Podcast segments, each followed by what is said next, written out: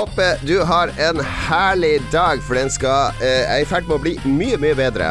Vi er nemlig Lolbua, og vi har her episode 321. Jon Cato heter jeg, og jeg har med meg to bakfulle menn rett ut fra eh, det hemmelige siste verset som ikke ble med i Jokkes låt 'To fulle menn'. Lars, Jebbidu! Mats Hallo. Dere Hallo. ser litt medtatt ut, må jeg si. Ja. Og det var ikke engang mye som ble drukket i går. Det var ikke det? Begynner å bli gammel? Ja, altså, vi, vi begynte å drikke etter kino, og det stengte klokka tolv. Og kinoen var ferdig litt før ni, så det var liksom ikke et stort vindu vi hadde å drikke. Det er alderen. det er alderen Jeg har det akkurat på samme måte. Jeg Vil helst være ferdig å drikke før ni, for Mm. å liksom ikke være så redusert dagen etter. Hva var det dere så på kino, da? Tenet, den nye filmen til han Hva han heter Christopher Nolan. Christopher Nolan. Ja, ja. Ja. Uh, det er en film du går og fordøyer litt over noen dager. Han lager jo Ja. litt heavy shit.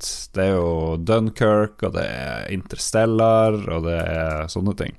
Inception, Ja, som vi diskuterte mye i går. ja. Mitt, uh, mitt forhold til Christopher Nolan er at uh, alle filmene hans De enten hater jeg, eller jeg elsker de. Det er, det er ingenting imellom. Jeg hater Inception. Jeg hater det Memento. Uh, jeg digger Interstellar. og jeg digger det 19... Nei, ikke Dunkirk. 1917, men Dunkerque. Ja. Ok. Ja, Ja, jeg skjønner da er jeg litt, da er jeg litt ja. spent på de meningene Jeg har null interesse for Tenet. Jeg ser mann går, eh, folk går hals over hodet. Jeg kan se den når den kommer på eh, streaming eller Apple TV eller noe sånt. Veldig, veldig interessant film. Han prøver å gjøre noe nytt, da. Det skal han ha. det skal han. Kudos. Kudos for det. Ja, men det har han alltid gjort. Men det, altså, det, det liker jo jeg òg, fordi eh, hvis du prøver å gjøre noe nytt, så har du lov å feile. Altså, det, Mm. det er helt greit å feile, bare du, bare du prøver å tenke ut av boksen og sånn. Så all ære til han for det. Altså, jeg, jeg er veldig glad i folk som prøver å gjøre nye ting.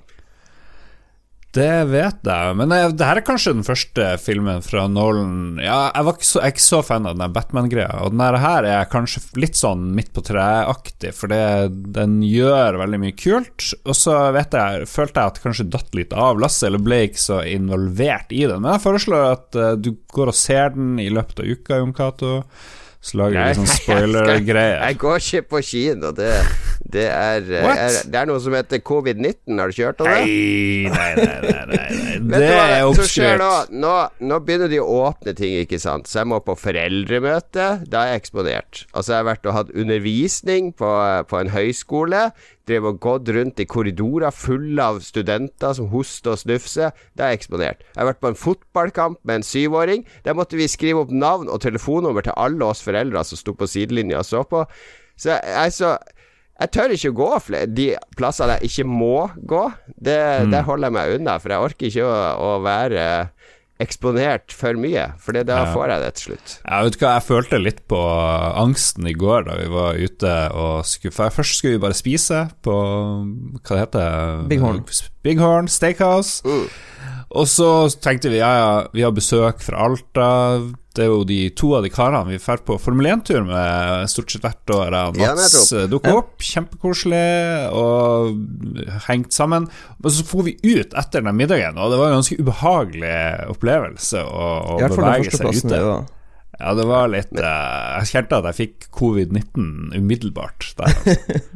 Men samtidig så tenker jeg at jeg føler litt sånn skyldfølelse, at jeg ikke støtter utestedene og sånn. Og Mm. eh, jeg er litt sånn både og. Ja, vi følte jo at vi bidro, fordi de har det ikke bra. Du, vi ble Ja. vist i et bord, og så fikk vi aldri servering. Tok 1000 år. Så vi kan ikke tjene så mye eh, penger av de her Det er utestedene. deilig der å føle at du bidrar. 'Jeg bidrar! Hva er det til jeg skal bidra? Nettopp. Yes. Dugnad! Dugnad! Dugnad! Dugnad! Ok. Ja, men eh, Ja, det, det, det har vel skjedd andre ting i livet deres siden sist enn at dere har vært på byen og kino og Big Horn, eh, Ja. Mats. Jeg ser du har ja, skal, du, skal du flytte? Jeg må, jeg har kommet til konklusjonen at uh, jeg trenger større bo, boenhet, for jeg har gått tom for plass i boden. Hva er det som skjer da? Altså Når man går tom for plass i boden, så kaster man, eller selger, eller gir bort ting. Ja, en normal person gjør det. Jeg kjøper et større hus, sånn at jeg kan ta vare på mer ting. Er du en hoarder, Mats? Jeg er ikke en hoarder, men um, jeg, har, jeg har litt sånne forskjellige hobbyer, ikke sant? Og det begynner å ta litt plass, alle de tingene jeg har til hobbyene mine. Så um, ja, jeg må ha et hus. Og så har jeg lyst på kinorom. Hvor kult er det ikke med kinorom? Det er kult. Uh, Sier jeg som ja. ikke har det. Jeg kan lage det. Vi har, vi har jo en kamerat som har kinorom.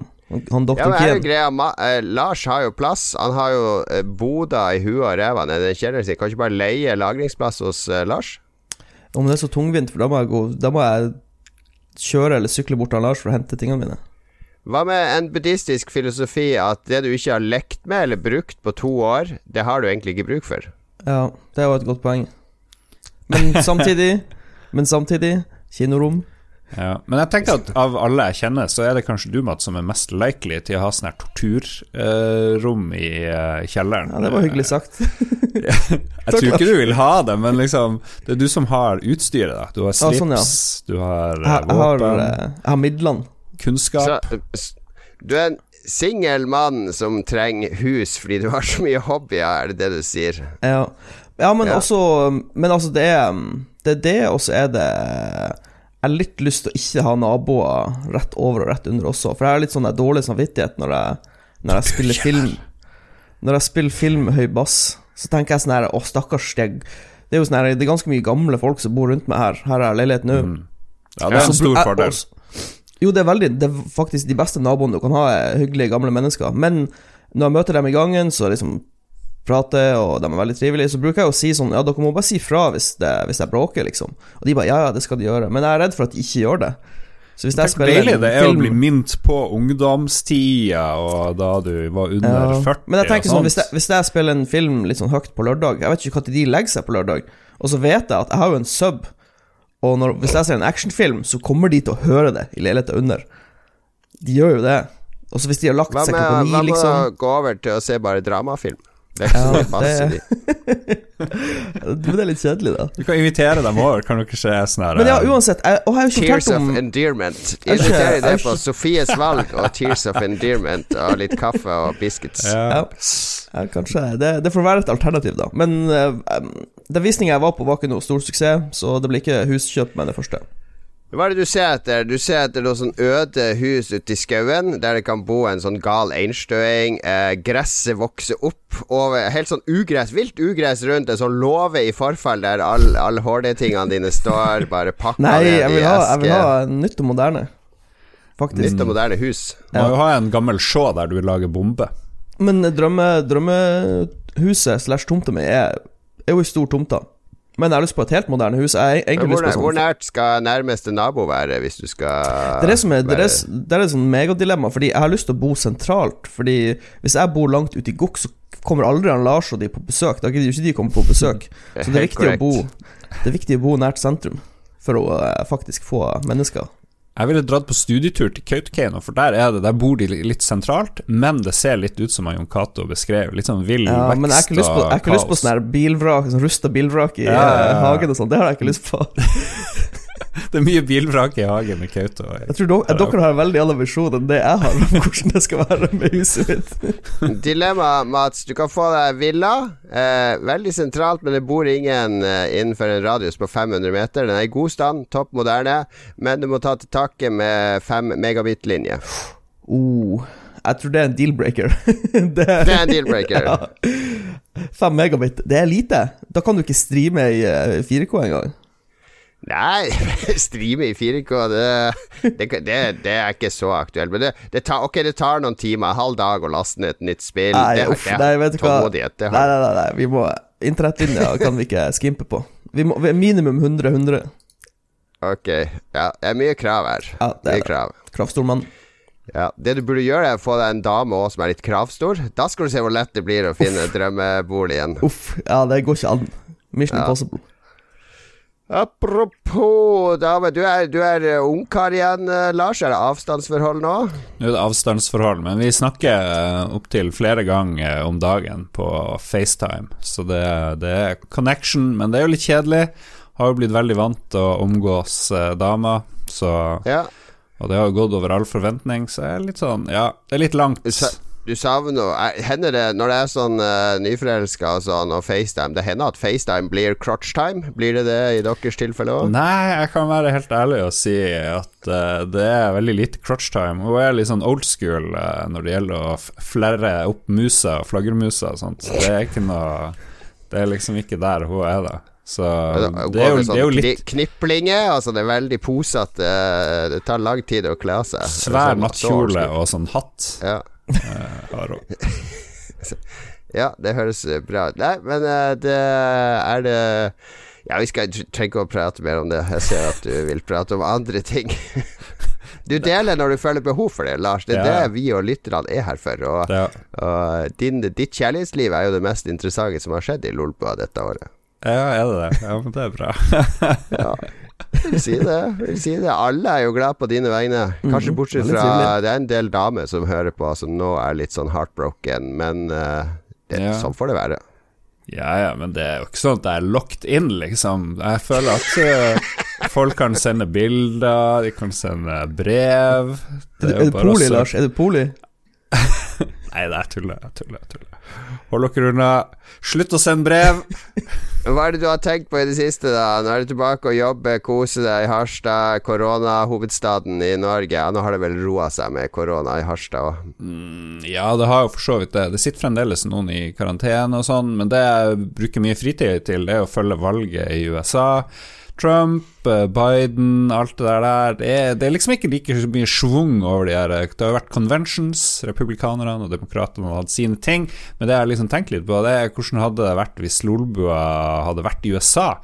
Vi hadde sikkert fulgt mye mer med, det hadde vært litt sånn artigere med amerikansk politikk da, da kunne vi liksom fulgt litt mer med. Men hvordan hadde Lolbua vært i seg sjøl hvis vi hadde vært i USA? Det har jeg tenkt litt over. Eh, Jeg husker han Rune Fjell Olsen sa en gang at eh, hvis Level Up og Lolbua og Radcrew var i USA, så hadde vi jo vært ti ganger så stor, ikke sant. Eh, Norge er jo et lite land. Eh, vi er sånn passe stor, vi vi er høyt oppe på Hvis du liksom søker på de her podkastene på Podtoppen og Apple sin oversikt, så er vi faktisk blant de store, av en eller annen grunn. Men vi hadde liksom Ja. vært mye større i USA og kunne gjort mye mer, da.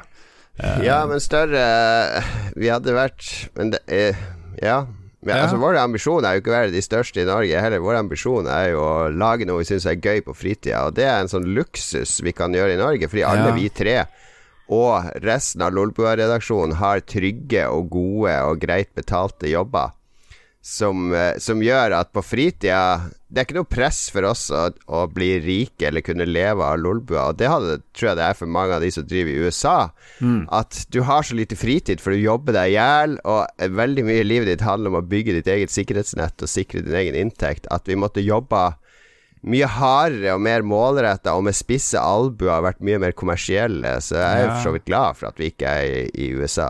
Ja, men du kunne jo Nå har jo du måttet ta til takke med en jobb i Oslo kommune. Du begynner på jobb Ja, nå det er 1. september. Eh, Ja. Skal jobbe for The Man. Eh, livet ditt er egentlig over sånn jobbmessig, kanskje. Og i USA så kunne du levd av Lolbua. Bare liksom kost deg med å ha spilt eh, flight Ja, hele men jeg tror ikke de dagen. lever så godt av de greier, fordi alle de influenserne Hvis du leser om livet til de her som lever av å være influensere i USA Du er jo på jobb 24-7. De streamerne tør jo ikke å ta ferie. De bor i sånne hus, nesten innelåst, der de streamer 12-14 timer hver dag. Fordi hvert Med en gang du logger av, så bare Å nei, nå slutter det å komme inn penger. Jeg må streame mer, streame mer, Ja, så streame vet, mer. vet de jo ikke liksom Kanskje det spillet de som de liker å streame, som de er gode å streame, eh, slutter Ja, å bli ja, populært, så slutter Alt folk å se er på streamen. temporary. Ja. Eh, det kan komme noen og, og bikke deg av trona når som helst. Jeg er så glad for at vi ikke tenker sånn. Vi er på toppen av trona, og vi tror- vet at vi er der. I Jeg tror Hvis jeg hadde bodd i- USA, så hadde jeg hatt to skikkelig trasige jobber, og så hadde jeg ikke hatt energi til å lage podkast. Nettopp. Nettopp. Og så hadde vi vært livredd pga. korona og valget og alt mulig sånn. Men du sa det var ikke så morsomt å følge valget denne gangen. Hva tror du det kommer Nei. av? Jeg tror det Det har jo med at de eh, Spesielt de konvensjonene deres, de er jo gjerne holdt i svære saler fylt med tusenvis av mennesker som buer, og politikerne blir litt mer sånn uh, løssluppen. Nå sitter de bare foran en skjerm, bortsett fra Trump, da, som har samla folk i The Rose Garden og sånne syke ting. Eh, han er jo Ja. unntaket, men eh, jeg føler ikke at det er samme greia. Kan det ha noe å si med at det er morsommere å følge et valg når du har illusjon av at det er et demokrati, mens nå er den illusjonen illusjon brutt? Så Ja. nå ser du basically et diktatur som prøver å kuppe, kuppe et valg, og det er ikke, det er ikke den samme sjarmen, for det er ikke den samme eh, kampen, på en måte. Ja, jeg fikk litt innblikk i hvordan amerikanerne er, tror jeg. For jeg drev og intervjua en fyr i Frp her lokalt. Ja. Og jeg spurte han jo hva han syntes om politikken borte i USA. Jeg skjønte jo at det kunne bli litt provoserende, og han sa jo at eh, jeg er ikke blodfan av Donald Trump, men det er jo bare ett valg for folk der borte, og det er jo Donald Trump, selvfølgelig. Og hvis man så på alternativet Trump er den eneste som tør å si mot Kina og ta den kampen. Så jeg føler at hvis en eh, oppegående fyr, politiker i Norge, egentlig tenker det, så, så er det ganske bittert å nå igjennom til folk i USA. Men partiet hans satt jo i regjering her i seks år uten å, eh, uten å si et, eh, et pip mot Kina, så er fuckings fei for din egen dør, politiker. Ja. Nei, men det vi uh, Kanskje vi må invitere Per-Willy til endelig til en sånn Ja. USA-spesial her nå. Han er jo megafan av Trump. Det burde vi når valget nærmer seg. Få litt ekspertuttalelser Mm. fra vår gode venn Men Per Lars, Willy. hvem, hvem vinner?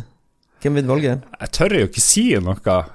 Uh, blir Jeg bare spør Jon Cato. Du fikk rett i fjor, det er fire år siden. Det, du har sikkert rett, du òg. Nei, i år så vinner ikke Trump, men Oi. det kommer til å gå et år før det Eller det kommer ikke til å ha noen konsekvenser at han ikke vinner, fordi det, det blir bare kaos i et, flere år etter det valget. Så det blir uavklart og Så og det, det blir kjedelig. Nei, jeg følger ikke så mye med på det valget. Uh, nok som skjer i Norge. Masse spennende ting her òg, vet du. Det er mye, mye mer spennende å følge med på fylkesmøter fra Trøndelag enn på lokalvalg i, i, i Ja, det gikk helt for seg der. USA. Ja. Huff og huff. Nå er jeg så lei. Jeg er så lei av han derre Tangen. Som de har drevet og skrevet Ja, opp og ned om, han oljefondsjefen.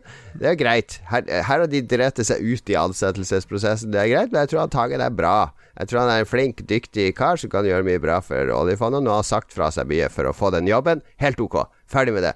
Og nå er det Giske opp og ned. Nå må Giske bare trekke seg tilbake. Giske er vår Trump. Ja, Få med Giske og Per-Willy. Lars, kan ikke vi ha begge to som gjester i vår uh, USA-valgkamp spesial? Ja, ja, han har jo mye tid til overs nå, Gisken, så Jeg har stått bra. backstage med Giske på Gullstikka, der han delte ut pris eh, i den tida han var kulturminister. Ok. Ja. Han er jo en hyggelig fyr å prate med. Jeg har prata med han flere ganger. Ja, ja, ja. Men det er jo, de fleste er jo hyggelige. Det er jo ikke det det går på. Ja, Ja, mulig ja. de er det. Mulig de er det. Jeg har uh, På fredag forrige uke Jeg, la, jeg, liker at Mats lukker øynene fordi han må Jeg fokuserer litt. Han har Du har en veldig sånn sjarmerende bakfugluttrykk, eh, Mats. Tusen takk. Ja, siden sist så hadde min eh, siste arbeidsdag i Krillbite. Wow! Så Hey! for første gang på 20 år så kan jeg si at jeg er between jobs. Nice. Fordi jeg, Når du hører det her, så har jeg begynt i ny jobb, da. Jeg begynner tirsdag denne uka. Ja, det må jo være rart. Veldig rart. Veldig rart. Ja, du skal- Veldig, Du skal digitalisere på vegne av Oslo kommune? ja, ja, jeg skal lede eh, HR kultur- og kommunikasjonsavdelinga til eh, i Oslo kommune. Mm, hjemmekontor nå i ett år tid fremover. Ja, det er en liten utfordring, men vi har eh, det er fullt program neste uke med onboarding, og da skal vi være nede på kontoret, jeg og tre andre som har begynt å gå gjennom en del greier, så det blir spennende. Ja. Endelig kan du si hva du mener om Krillbite. Nå er det bare å fyre løs. Hvem er den verste ansatte i Krillbite? Det var må jeg, det er meg sjøl. Jo ingen som er så kritisk mot meg som meg sjøl.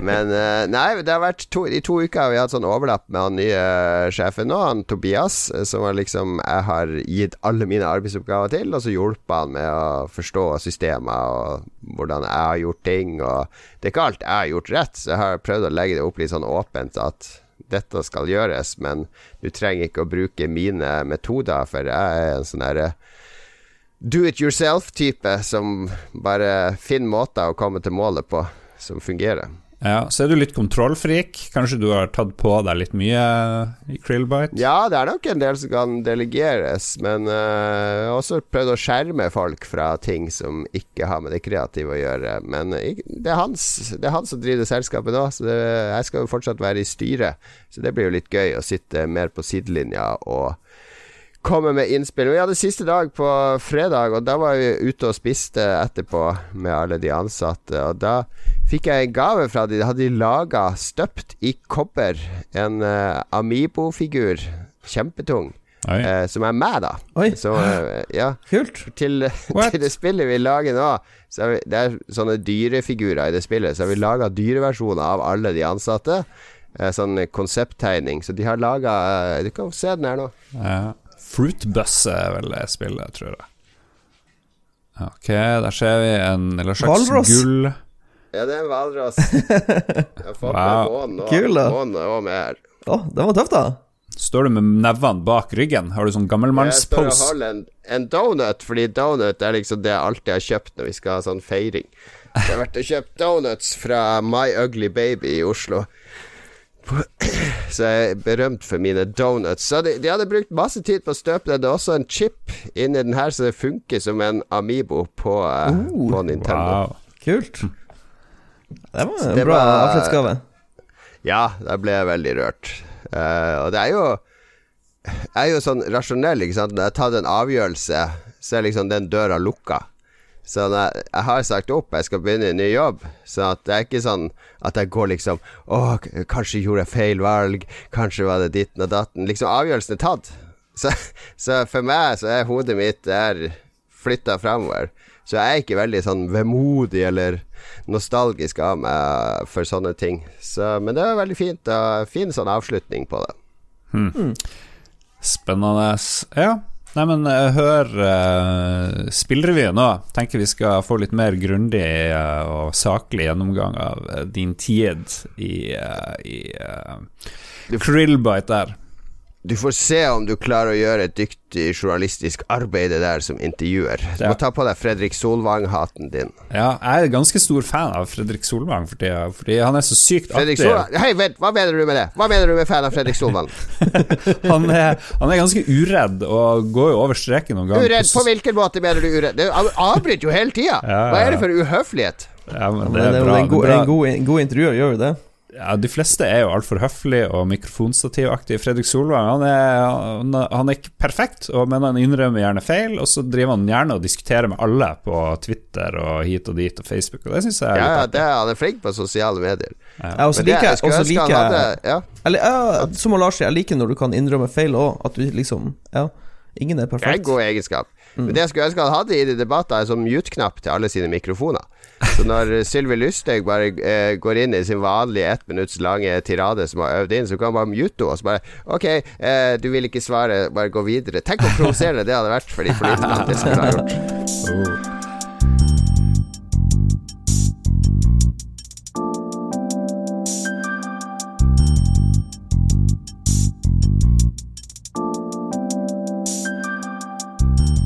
Vi går rett over til spill. Det blir mye spill denne sendingen. Vi prøver oss på den nye høstoppsummeringa vår, som vi kommer til eh, om litt.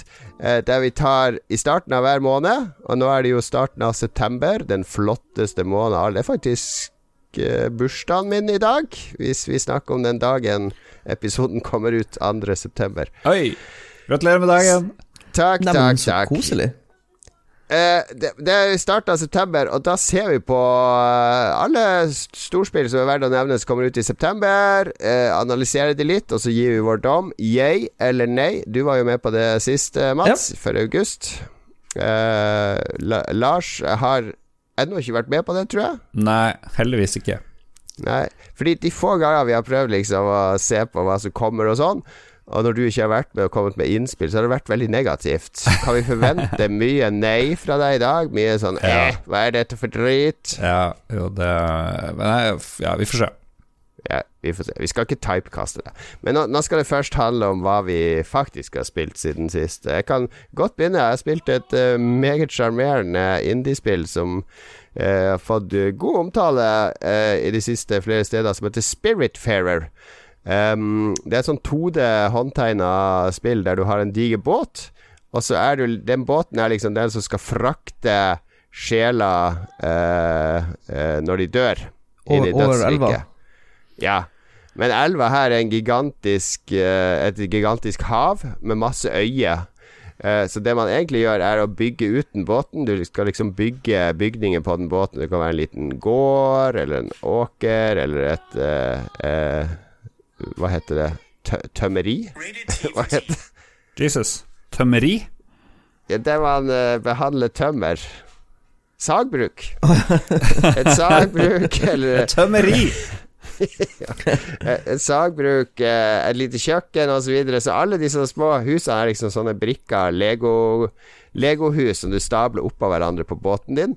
Og så får du et system med masse små hus der du må inn og gjøre små ærend mens du reiser fra A til Å. Eh, I den båten så plukker du opp flere og flere folk på den båten som liksom vil ha mat, eller de har request, eller de hjelper deg å finne nye steder. Og det er superhyggelig spill. Det varer visst i 20 pluss timer. Jeg har spilt, tror jeg, fire. Uh, og det er ikke så mye spi altså, Det er ikke noe slåssing eller noe sånt. Det er masse sånn minispill der du skal samle sånne sjeler som kommer flygende, må drive og hoppe i lufta og, og prøve å treffe dem. Eller du skal fange lyn ved å stille deg der du ser at lynet kommer til å treffe.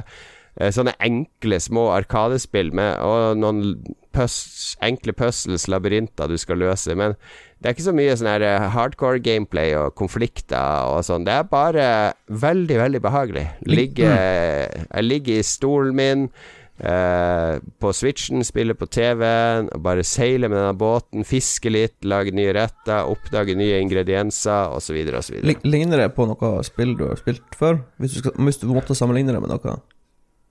Uh, nei, egentlig ikke. Fordi det, den bygginga Eller det er en sånn crafting, ikke sant. Så skal jeg bygge det Det, Det er liksom ikke Stardew Valley. Nja, det er litt Kanskje det, Hvis jeg skal bygge sagbruket, så må jeg ha ti av den type planke og ti av den og, og sånn, så jeg må oppsøke de ressursene i verden. Så du har hele tida sånne oppskrifter du har lyst til å Med ting du har lyst til å lage, eller requests, der du må finne Hvor finner jeg de ressursene? Hvordan kan jeg få tak i de ressursene? Um, så det, det er en sånn der uh, ressurssanking-greier som går i bakgrunnen hele tida. Men så er det også Det er, det er historie òg.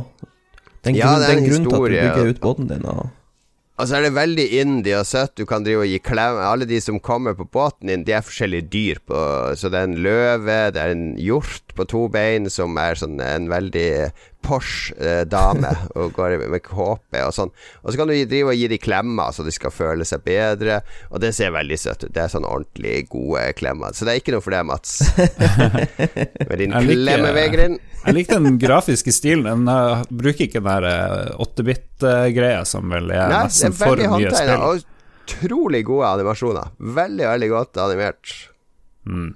Det ser nesten ut som sånn fransk uh, 80-talls, 70-tallsstil, men Ja, ikke det er helt. noe litt sånn Möbius heavy metal-aktig over den streken. Så jeg anbefaler det varmt til alle som vil ha et sånn kosespill å ta med seg inn i høsten, som holder deg litt varm og, og fin. Muy bien. All right. Så det var Spiritfarer, da. Det er ute på Switch og flere andre plattformer. Uh, kosespill. Kosespill, rett og slett. Mats, du har spilt noe som ikke har kom- kommet ennå. Har du lov å prate om det? Er det noe NDA? Det er et veldig godt spørsmål. Jeg trykte sikkert forbi en NDA, så vi, kan- vi kan gå ut fra at det er en eh, Men, men de, det er jo folk som streamer det på Twitch og sånn, så jeg tror ikke det er Ja, veldig okay. Prat i vei, prat i vei. Jeg tror ikke det er en heavy NDA. Nei, jeg fikk en nøkkel til uh, det nye MMO-et til Amazon Game Studios, New World. Eh, som Det er det koloniseringsspillet, på en måte, der man eh, Ja, det er litt sånn her ja. eh, Kommet til Nord-Amerika-vibba i det spillet der. Mm. Så Men jeg var liksom Først så var jeg litt skeptisk, for jeg har egentlig bare lest om New World, og så har de De har endra litt sånn retning frem og tilbake i løpet av utviklinga, og så har det blitt utsatt. Og så var det litt dårlig i begynnelsen, men så så jeg litt på Twitch i forrige uke. Så ganske fresht ut. Og så på torsdag fikk eh, jeg og Dag Thomas og Ståle og noen eh, nøkler. Så vi Ja. laster det ned og tester det ut. Og Ståle, har, Ståle har akkurat fått PC-en rett opp i sånn der eh, Eliteserien med å få Ja. tilgang til ting og ja, ja, ja, han går rett inn Ja. på podiet. Nei, um, det var faktisk uh, overraskende morsomt å spille, og så ser det så Det ser jæklig bra ut. De har liksom. De har klart å lage Lage en interessant verden. Hmm. Både grafisk og uh, Ja. Jeg spilte jo eh, så veldig tidlig Jeg fikk tilgang til det i fjor allerede. Da spilte jeg det. Og da var det, da var det virkelig alfafølelse på det, for det var masse som ikke fungerte. Ja, for jeg har sett sånn der, noen, eh, sett noen gamle videoer på YouTube, og, Ja. og det jeg så da, ligner ikke så mye på det som er nå, så det virker som de har reboota, eller liksom alvorlig skrudd opp tempoet, på en måte. Men jeg hørte at det, det gjør noe nytt i combat, Fordi det er ikke sånn som World of Warcraft, der du bare Ja, men, står et ja, sted det- og trykker 2, 3, 4, og så går du til sida fordi det kommer en area of effect. Jo, men det, det, det, er ikke, det er ikke noe som er nytt eller banebrytende. Så det er bare at de Er ikke blokking? Skal ikke være blokking med nå? Jo da, men det er jo ikke nytt, det er jo gjort masse ganger før. Men okay. De går bort ifra de klassiske MMO hvor alt er sånn autotargeting, og hvis du kaster en fireball, så flyr fireballen av gårde og treffer målet ditt uansett hvordan de beveger seg. Så alt, alle angrepene i spillet må du sikte med. Hvis du skyter pil, så må du sikte. Hvis du skyter fireball, må du sikte. Hvis du slår med sverdet ditt, så må du sikte. Du kan ikke bare targete en fyr og bare lene deg tilbake i stolen.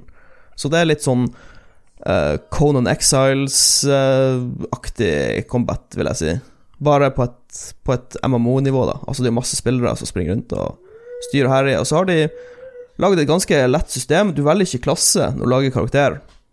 Du lager bare en karakter, du velger kjønn, eh, velger utseende, og så starter du å spille. Og det eneste du yeah. gjør for å endre på karakteren din, eh, er at våpenet du bruker, bestemmer hvilke skills du får.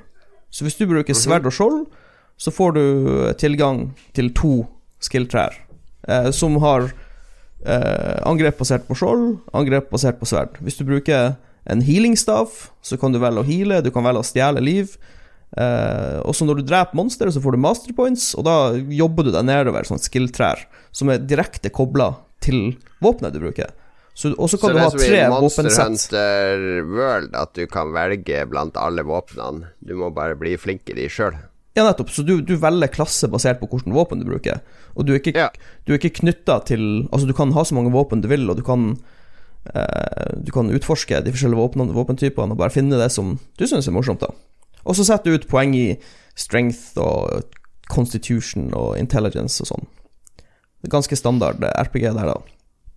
Jeg, jeg skrudde på en video. Det ser ut som masse sånne her folk som har rømt fra en mentalinstitusjon, som bare springer rundt på en strand eller et eller annet, prøver å bygge et eller annet.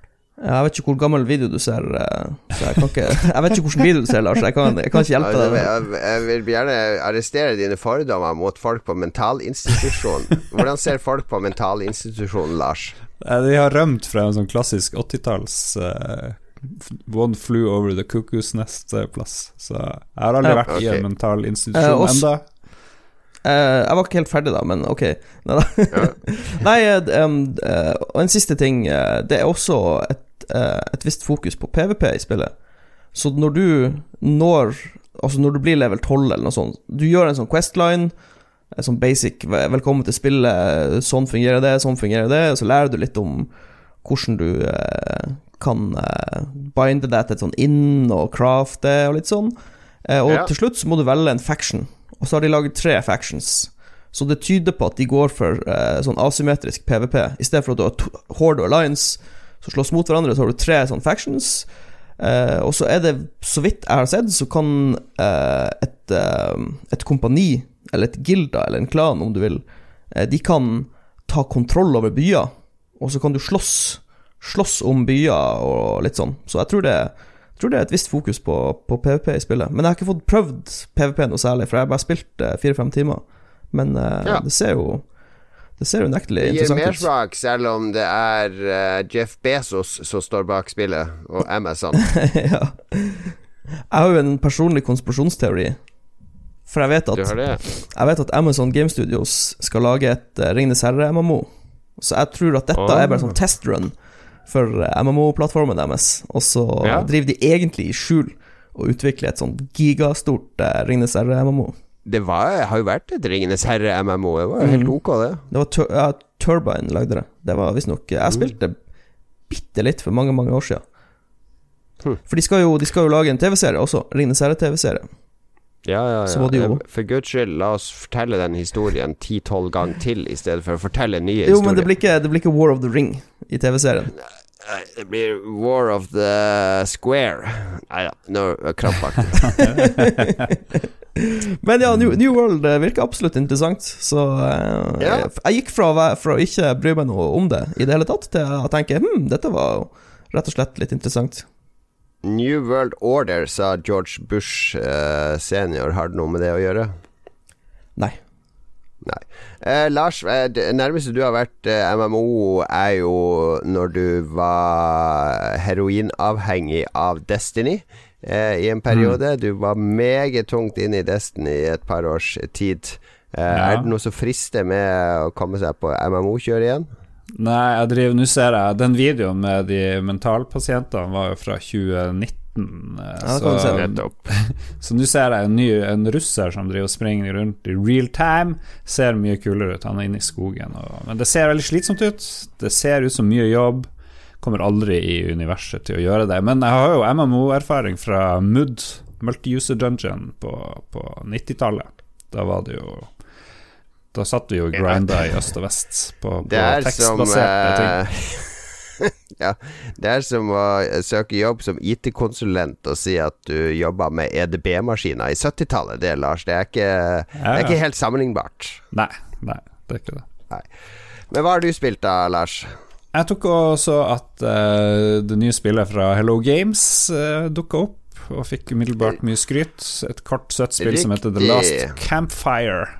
Campfire og de som lagde det, det om utskjelte, men etter hvert eh, meget høyt elskede No Man's Sky. Ja. Yes. Så det her er jo bare et lite sideprosjekt, hvis man kan si det. Jeg tror det var bare et sånn håndfull utviklere, en tre stykker eller noe sånt. Ja. Hvis jeg husker rett, som har lagd det. Men det ser kjempepolished ut. Det kom først en dag før de andre plattformene på Apple Arcade, så, og der får jeg jo ting ikke gratis, da, men nesten. Så jeg tok og lasta det ned der, og jeg er jo vant til at ting på mobil Hvis det er masse versjoner, så er mobilversjonen ofte litt sånn kjip, men det her tror jeg kanskje kan være den beste versjonen. For i stedet for liksom å bruke joysticks og, og styre hele tida, så trykker du lett på en sånn isometrisk eh, verden. Så bare trykker du, og dit ferdig. Og når det er puzzle, så er det åpenbart beregna veldig fint for touch-kontroller. Så jeg tror kanskje det er en av de bedre måtene å spille det på. Og alt er veldig smooth og, og, og funker veldig fint. Men det, eh, det ligner på Journey på et vis. Eh, plutselig så ligner veldig mange spill på Journey, syns jeg. Den der eh, estetikken der. Og det, det skjer også her, til en viss grad. Spiller du en sånn søt trekant som har en sånn Nei, du spiller en sånn hooded en, en fyr i sånn cloak, og du ser ikke ansiktet på de og sånt. Det er bare skjult hva du, hvilken rase du er. Det ser ut som egentlig du er en slags uh, kanin. Hva det heter de? er Rabbits? Det ser ut som en blanding mellom Journey og de er Rabbids-folkene til Ubisoft.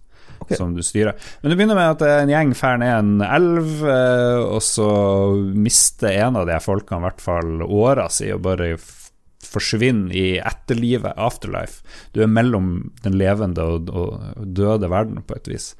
Og så er det masse lost souls der, og så skal du løse mye puzzles og hjelpe andre til å hvis du vil da til å finne, finne veien til en slags ro. Og jeg har ikke spilt sånn kjempemye, Mhm. men jeg likte veldig, veldig godt det jeg så.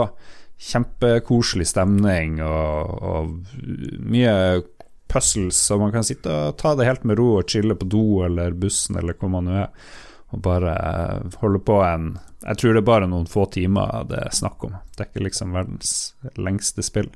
Men det virker kult. Så det skal jeg spille mer, og så har jeg spilt enda mer Star Wars Fallen Order. Hva det heter for noe? Ja. Fallen Jedi. Fallen Jedi Star Wars Jedi Fallen Order heter det. Noe sånt. Fallen Jedi Order. Order! og, eh, Jedi New World Order. I forrige episode så hadde jeg ikke spilt så veldig mye. Um, klagde litt på frames. Uh, klagde jeg på frames sist? Det gjør jeg i hvert fall nå. Jeg synes det var helt spiller det her? Er det på en Android-telefon, eller er det på eh, Det det er for PlayStation 4 Pro. Og Mats, okay. du så jo meg springe Ja. rundt der. Ja. Hva du syns om performance? Jeg var helt forferdelig. Jeg hadde krevd pengene mine tilbake, for å være helt ærlig. Ja, det er liksom overraskende skittig til å være f Ja. utgitt, eller eh, Det er jo EA, men det står nå at det er Respawn som har lagd det, men jeg vet ikke om det er de som har porta det, for hvis du sammenligner med Titanfall og sånne ting, så er det jo og hva det heter, Apex eh, et eller annet, så er det jo helt forferdelig. Ja. Det er jo helt grusomt. Men jeg, jeg, liker, liker å fære utforske og finne skjulte ting og tang og vifte med det der sverdet og, og sånt. Sabel. Så, ja. Min ja, fars det er litt uh, underutvikla, det spillet, har jeg hørt. De skulle gjerne hatt et år til på det, men det fikk de ikke av EA, så det måtte Ja, bli ferdig og ut. Og det mangler optimalisering. eh, Det er bra spill, jeg liker det Jeg lik- ganske godt, men det er sånn spill du ser at hvis de hadde fått ett år til, så hadde det vært en klasker. Altså Da hadde det vært eh, et, et, et av de store actionspillene, liksom. Ja, ja, det var litt sånn småbugs når jeg spilte det også, men performancen var, var fin. Det var ikke noe sånn forferdelige greier som på PlayStation. Kjører Ja. bra på PC, vet du. Master Race vinner igjen.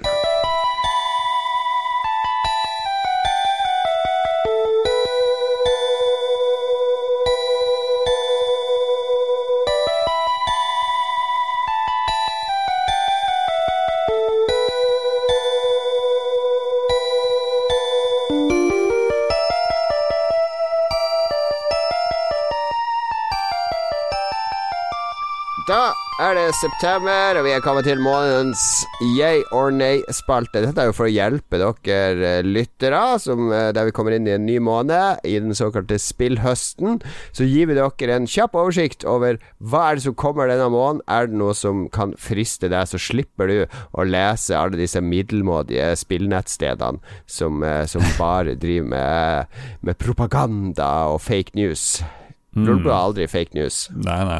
Vi er 100% ekte. 110 Legit, ekte. legit news. Ja, og denne lista hadde vi ikke orka å lage hvis det ikke hadde vært for disse spillnettstedene som gjør alt grovarbeidet med å samle sammen oversikten for oss.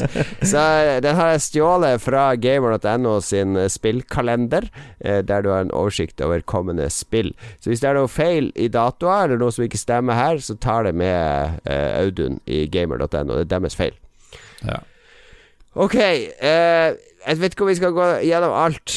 Nå har jeg, jeg har gjort alt grovarbeidet her. Jeg har samla laga lister, så jeg putta linker til alle trailere. Det var- Det var for at dere skulle ha god tid å forberede dere, sette dere inn i alle spillene. Det har dere selvfølgelig gjort. Jeg har sett mesteparten av videoene av spillet her, faktisk. Ja, Var ikke, var ikke sjenerøst gjort? Raust gjort? God oversikt? Det er jo sånn 20 spill eller noe, minst. Det er jo helt vilt Ja, eh, spillhøsten er full av spill. Vi begynner eh, med det som kom i går. To spill som kom i går. Vi kan ta begge i samme sleng, for begge er strategispill, men det er litt forskjell. Iron Harvest er sånn steampunk uh, realtime strategy-spill. Litt sånn kul stil. Jeg tror det er litt inspirert av det superpopulære uh, brettspillet Scythe.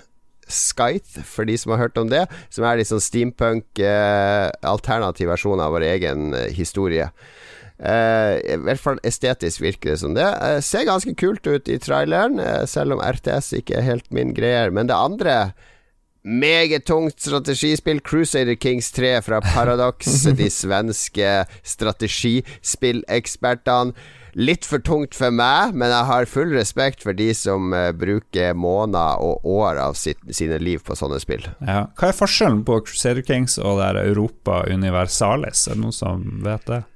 Hmm, hvis jeg har skjønt riktig, så er det mer er, eh, Og nå er det sikkert noen eh, sånn Paradox-fans nå sier du helt feil!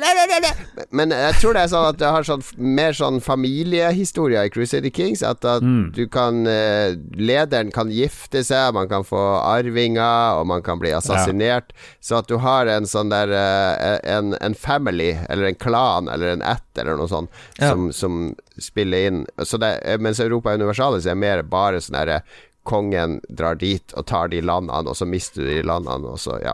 Ja. Nei, jeg, så jo på den nye traileren. Vet ikke hva som er nytt, men det så ut som det var veldig mye av det familiegreia. Det Eh, Ja. det er skal- basically uh, Fast and Furious-fokus What? på familie her. familie. ja vel. familie. Family.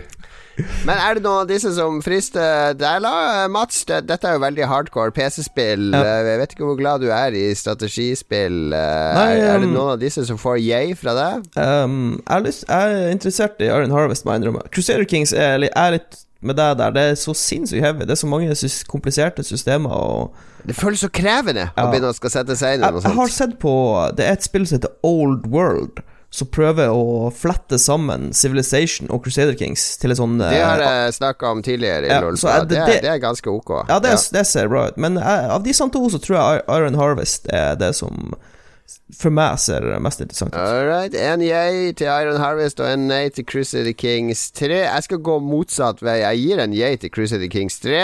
Det er et uh, Jeg tenker Hvis jeg kunne klone meg sjøl i ti Hadde jeg vært ti forskjellige personer, så skulle jeg rukket å spilt alt jeg har lyst til å spille. Og da skulle den ene, Jon Cato nummer syv, han skulle være den strategispillduden som bare spiller sånne veldig tunge strategispill. Så jeg gir en yay til det. Men ingen av de ti klonene mine blir en sånn RTS-dude, fordi RTS er verdens kjedeligste idiotiske What? sjanger. Så det blir en nei til Iron Harvest fra meg. Uff da. Ja, ok, ok. Du likte ikke singleplayer-kampanjen til Starcraft 2 heller, som Mats skrøt uhemma av? Vet du hva eneste bra RTS-spillet jeg har spilt der? Pikmin 1 og 2. Uh, Dune 2? Det er de Spilte du ikke Dune 2? Likte du Jeg det? hata det. Command Conquer? Con Conquer. Hater Command Conquer. Jeg har aldri likt RTS-spill. Jeg har aldri likt den greia du sitter og pusle Ah. med basen din, og så skal du sende styrker opp, og så er det ett stort slag, og så taper du slaget, og så må du begynne level på nytt. pylons. Jeg hater det. Ja, ok, jeg liker litt uh, Home, Homeworld. Likte jeg litt. Ja. Jeg har det er gode kun minner på grunn av fra stemninga, Ja. estetikken. Jeg har gode minner fra singleplayer-RTS. Når det blir multiplayer, det blir litt for stress. Jeg liker å pause, ta det med ro og sende ut eh, den der dingsen for å harveste i Dune 2 og sånn. Så jeg er positiv til Iron Harvest, og jeg er også positiv til Crusader Kings 3. Ok. Sånn som du sier, i perfekt verden, hvor jeg gidder å spille på min PC, så hadde jeg spilt masse Crusader Kings eh, 3. Veldig bra. To av tre yays til både Cruising Kings 3 og Iron Harvest. Det lover godt for de som er fans av sånne spill. Uh, I morgen kommer det et nytt spill i World Racing Rally Championship-serien. Vi skal, kan vi bare hoppe over det? Det er ingen av oss som er interessert i rallyspill. Er det det? Dere er jo bare sånn her Christian- Formel Christian tar seg av det. Ja. Christian. Ta og Ring til Christian. Hva er nummeret til Christian? Så kan lytterne ringe til Christian og høre hva han mener om, eh, er- om World Rally Championship. Skal vi se. Skal vi dokse han? Ja, vi dokser han. Skal vi se Skal vi se Christian Kjesse Nei, jeg har ikke det nummeret. Ok. Ja. Finn det sikkert i katalogen. Eh, vi hopper over det. Vi, kan, vi er ikke kvalifisert til å avgi dom om det. VRC husker jeg spilte mye på PlayStation 2. Da var det en veldig kul serie. Men det var også fordi da var Petter Solberg drev med rally, og det var litt sånn kult. Jeg tror Rally Sport Challenge på Xbox var liksom det siste sånne. Colin, Colin McRae og Markus Grønholm og de gode, Ja, gode rallyguttene. Gode, Jeg, gamle kjenner- jeg, dager. kjenner- jeg vet ikke om noen rallysjåfører nå. Men vi kommer til eh, På fredag Da er det to ganske svære eh, lanseringer. Det første er Marvels Avengers. Som eh, er disse tegnefilmfigurene som Disney nå eier. Som Ja. også har blitt storfilma, og som nå skal bli et spill med Er det Activision bak roret? Litt usikker. Mm, Jeg vet vet ikke. Og det andre er eh, en relansering av Tony Hawk, eh, Pro Skater nummer én og nummer to. Ja. Det er Square, Square Enix som har det Eller eh, Eller som proffene sier det, bare TOP, TOPS. TUPS. Tups. Eh, som mange venter på, fordi skatespill har jo vært Foruten det norske Skate City på Apple Arcade, som er ganske eh, fornøyelig, så har det vært eh, død og begrava i mange år. Det har liksom ikke vært noen nye, kule skateopplevelser. Så det er Nei. litt kult. Og litt trist at vi må liksom hente noen spill fra 90-tallet opp igjen for å få skatefiksen vår. Ja. Ja, men hvis det blir en stor hit, de her remasterne, så tipper jeg at det kommer noe mer uh, Men det Tony kommer Hawk. vel et nytt eh, Er det ikke noe som er under utvikling? Jo, nå er det annonsert et nytt spill i Skate-serien. Skate-serien, ja. Var det jeg Eh. Så, Mm. så det, det begynner å løsne.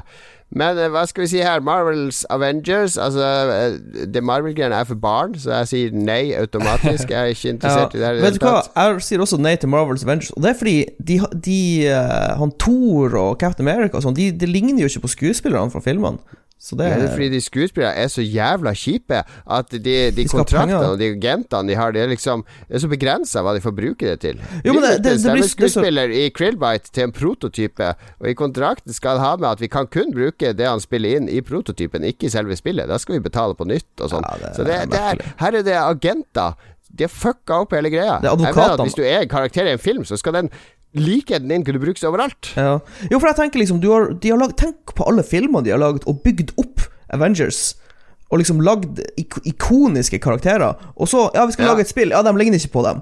Det, det er jo bare helt idiotisk.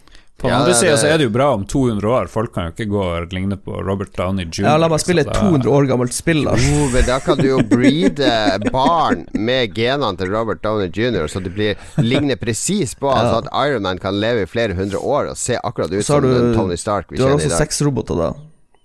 Ja. Veldig gode poenger for begge dere to her. Eh, det, jeg tror det har kommet en demo av Hvis du forhåndsbestiller den her 1 og 2 Tony Hawk, så får du prøve demoen, så det virker som folk digger, og jeg er veldig positiv til det, men Marvel Avengers klarte jeg å se ti sekunder av traileren før jeg bare skrudde av. Ok, trippel nei til Marvel Avengers. Eh, hold det unna oss. Eh, her tar vi fram både krusifiks og hellig vann for å få disse eh, superheltene som ikke ligner på filmsuperheltene, vekk. Eh, mens Tony Hawk der, Jeg har aldri likt Tony Hawk-serien heller. Jeg, spilte, blir jeg spilte, jeg spilte to, Jeg aldri to ja. veldig mye. Ja, jeg prøvde jeg òg, men jeg har aldri Jeg likte Skate. Skate Og var det så 2 sinnssykt mitt bra soundtrack. Hmm. Det var det. Ja. Traileren til Tony Hawk 1 og 2 har jo Dead Kennedys på soundtracket, så det er nesten jeg gir yay bare for det, men jeg sier nei. Ta heller og lag et nytt Tony Hawk. De har laga helt ræva Tony Hawk-spill. De siste tre-fire Tony Hawk-spillene er ikke verdt å nevne engang. Det kunne de ha gjort noe med. ja. Ok. Men dere? Ja, jeg fikk ikke noe yay eller nei på Tony Hawk. For jeg, jeg, jeg gir en yay der, altså. Bare Ja. sånn nostalgi-yay. Blir ikke å spille det. Ja, Mats. ja. Jeg gir jeg. Jippidu. Og så kommer også samme dag NBA eh, 2K21, men det kan vi sikkert hoppe over. Hvem bryr seg? Det kan vi hoppe Eller vi kan si Jeg har lyst til å nevne her, fordi eh, NBA nå er jo blitt eh, en av de ledende politiske aktørene i USA. De driver og kansellerer kamper og, og sånne ting i sympati med opptøyer og når svarte personer blir drept.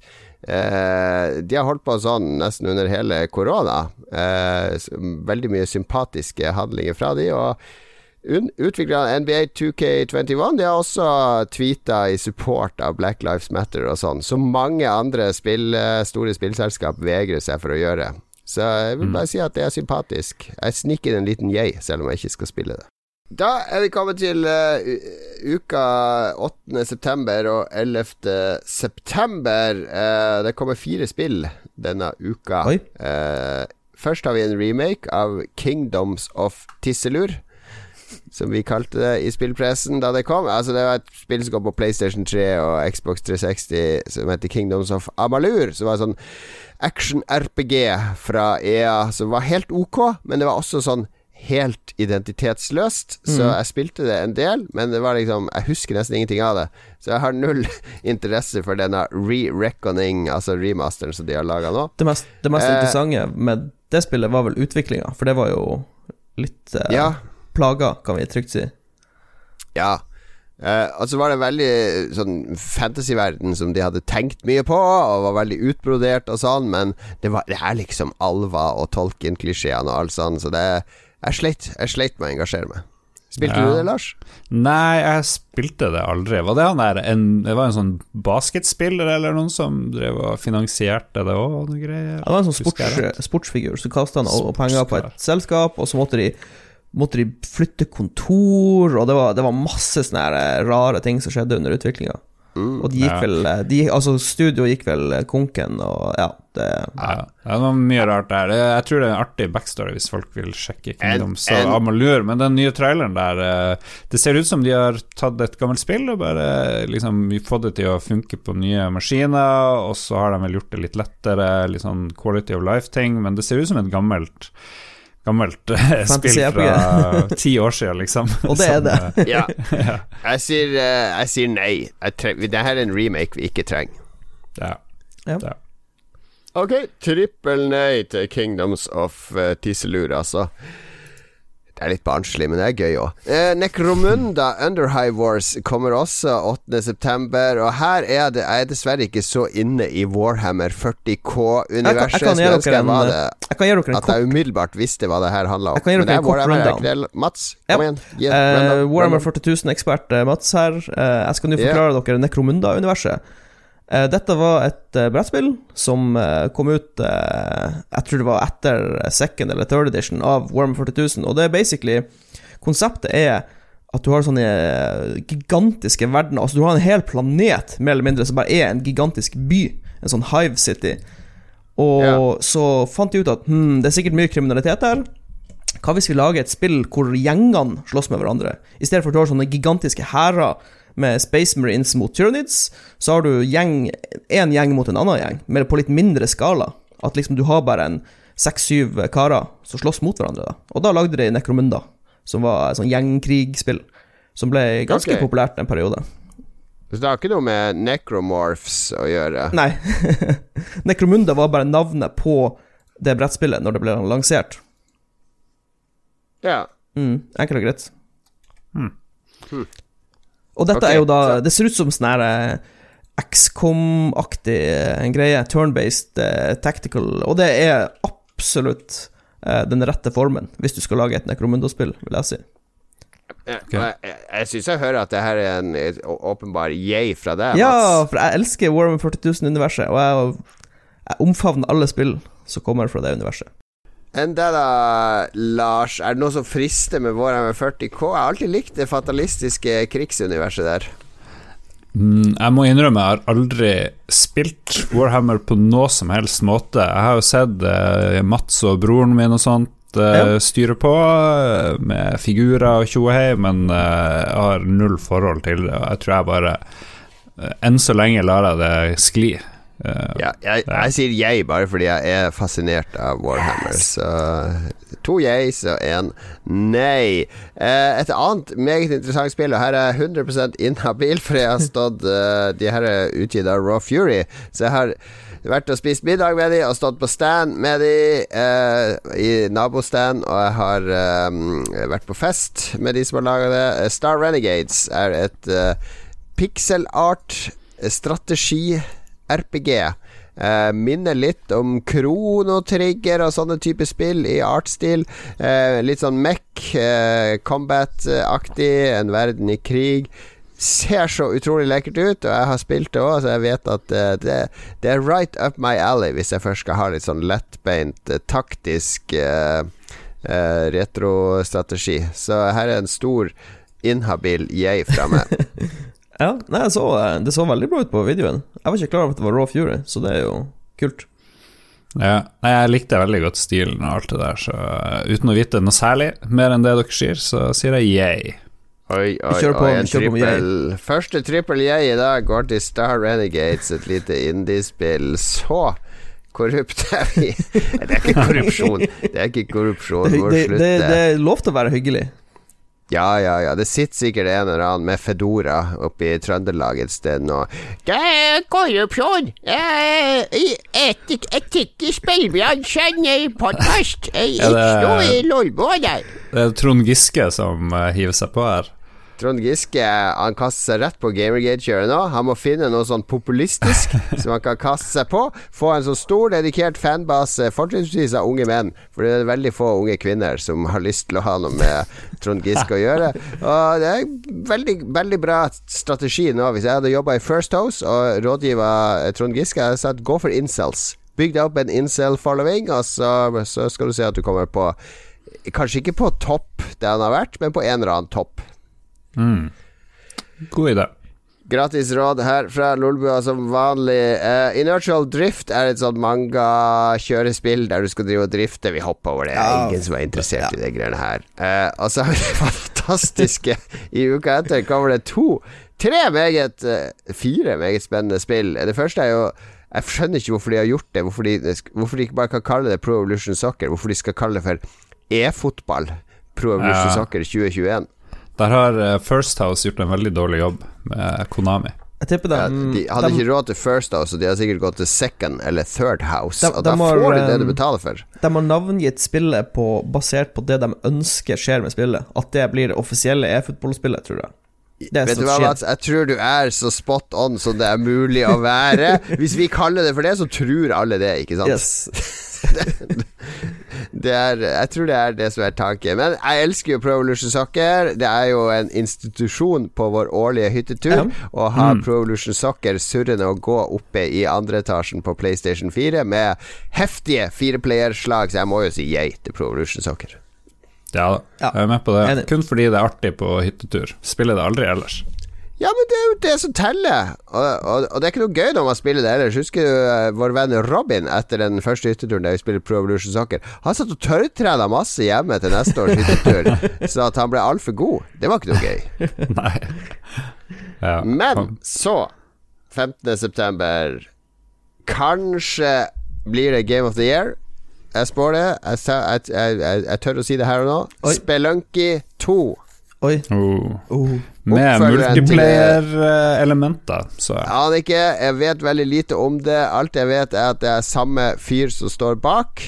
Og at eh, Spelunky var helt fantastisk. Og det ser ut som det hol- beholder kjernen. For de som ikke vet, det er et sånn um, Rogue-plattformspill der du skal bevege deg nedover. Du er sånn arkeolog, skal bevege deg nedover i grotte.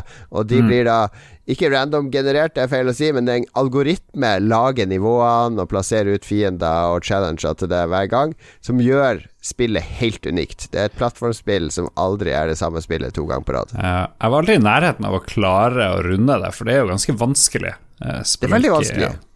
Ja, den jeg det har var lagt veldig til, er gøy. at um, jeg liker det følger den der uh, klassiske rogue-sjangeren. Fordi du kan få sånn momentum på et run. Hvis du får en bra item-kombinasjon, så får du skikkelig sånn fart. Det er liksom, Ting fungerer. Men det som er så skummelt med Spelunky, er at plutselig dør du bare. Det er så, det er så brått og voldelig, og så er det over. Og så har du mista alle tingene du hadde, alt stæsjet du hadde. Ja, ja. Men det er litt sånn Dark Souls. Med en Ja. gang du blir litt overmodig. Med en gang du bare Mm. Ok, ja, da skal jeg bare hoppe ned dit og gjøre det. Hvor kom de piggene fra? Hvor, hvor, hvor er det flaggermusa der? Det er utrolig Ja. morsomt utrolig morsomt spill. Nytt nå er multiplayer på en eller annen måte. Det var vel noe multiplier i én òg, men jeg tror de utvida det. Og så er det en sånn basefunksjon. det var jo, det var jo du fer Coop, da, i Spelunky 1, var det ikke? Ja, ja, Jo. ja. Det var, det- var utrolig Det var ikke noe lettere med to, liksom. Jeg tror det bare ble nei, vanskeligere, egentlig. du, kunne jo, du, kunne jo, eh, du kunne jo treffe hverandre med angrepene. Så jeg, de gangene jeg spilte. Coop, så endte jeg opp med å drepe kompisen min halvparten av gangene. Ja. Det er eh, Veldig mange 2D-plattformspill er livsfarlig å spille sammen, fordi det blir enda en faktor du må passe på når du skal manøvrere og navigere. Men eh, Derek Yu, han får alle pengene mine. Soleklar yay fra meg til Ja, Spelunky ja. 2. Ikke noe Ja, å tenke på. absolutt. Absolutt. Og så er det enda en remaster. Nå må de snart slutte. Og det er en totalt unødvendig remaster av et meget middelmådig Må du gjerne arrestere med Mats. eh, PC-spill, som egentlig var en sånn fin tech-demo. Det var- det det Eh, det var liksom standarden for eh, Hvis du skulle teste stressteste PC-en din med et spill, så var det Crisis man skulle spille i et par Ja. år. Det, det, hadde, det hadde den der Den drakten hvor du kunne velge mellom eh, speed og strength, og det var litt kult, men sånn Det var ikke noe nytt eller banebrytende eller super, eh, super fancy, det spillet der. de har alltid vært gode med, med tech, de Crytek, eh, og, og, kanskje ikke klart å lande de, de kule, kule spilleopplevelsene helt. Ja. Er det bare fordi at uh, nå kjører alle Crisis ganske greit, så nå må de gjøre det enda mer uh, grafisk komplisert? Den, nye, de... den nye store prøven for PC-en er jo Flight Sim. Ja, det er sant. Uh, men det er en remaster av det første Crisis, uh, som sikkert mange PC-spillere har veldig nostalgisk forhold til. Uh, jeg vet ikke, Mats, er det noe du skal installere og gjenbesøke? Jeg spilte, jeg spilte Jeg har faktisk Dette er ikke tull engang. Jeg har spilt gjennom Crisis 1, 2 og 3 fra start til slutt. Jeg har spilt alle Crisis-spillene som har kommet. Så ja. jeg er jo åpenbart en fan, da. Men jeg får se. Hvis det, ser, hvis det ser veldig bra ut, at jeg kan få noe nytt visuelt ut av det så kanskje. Så vi, jeg venter og ser. Jeg, jeg gir det en nei. ja, det, jeg, jeg, tror her at hvis du ikke gir det jeg, så blir det tre nei. Ok, Mats, okay, okay jeg gir Crisis jeg. Jeg, skal, ja. jeg, kan slåss for Crisis. Det, det, her kommer til å Jeg ignorerer totalt nei fra meg. Ja, samme her.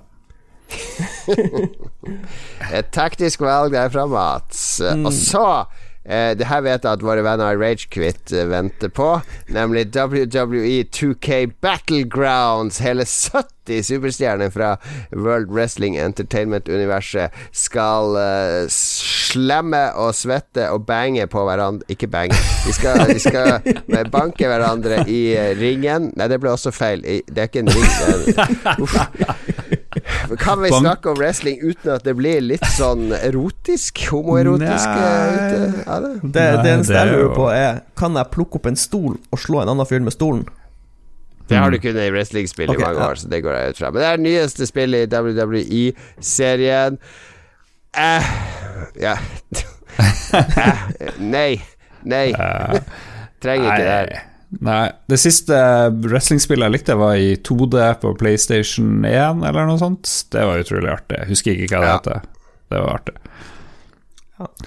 Takk for meg. Jeg, jeg spiller så lite slåssespill nå at uh, jeg tror nesten jeg må si nei. Sorry, sorry WWE. Ja.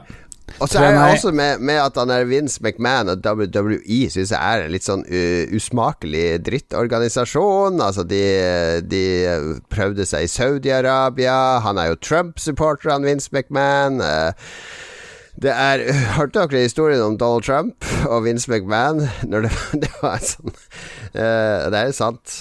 Uh, det var, var sånn der Vince McMahon var jo med og wrestla og sånne ting òg, ikke sant? Han var jo en bad guy uh, i wrestling, så han var med i ringen. Og så var det sånn beef med noen, der liksom eh, limousinen til Vince McMahon var noen som hadde plassert en bombe i. Så da han skulle dra fra arenaen, så boom! Bare sånn kjip, dårlig eksplosjon i motoren. Oh my god! Og da ringte Donald Trump Det var før han ble president. Han var jo med i masse wrestling. Da ringte han til WWE for å høre om, om det gikk bra med Vince McMahon, da. For han hadde sett på TV at uh, limousinen hadde vært sabotert. mm.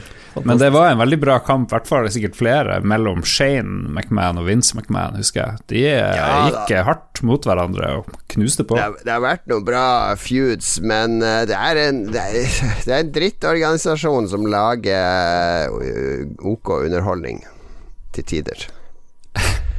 Men ja. trippel nei fra oss, i hvert fall. Og så uh,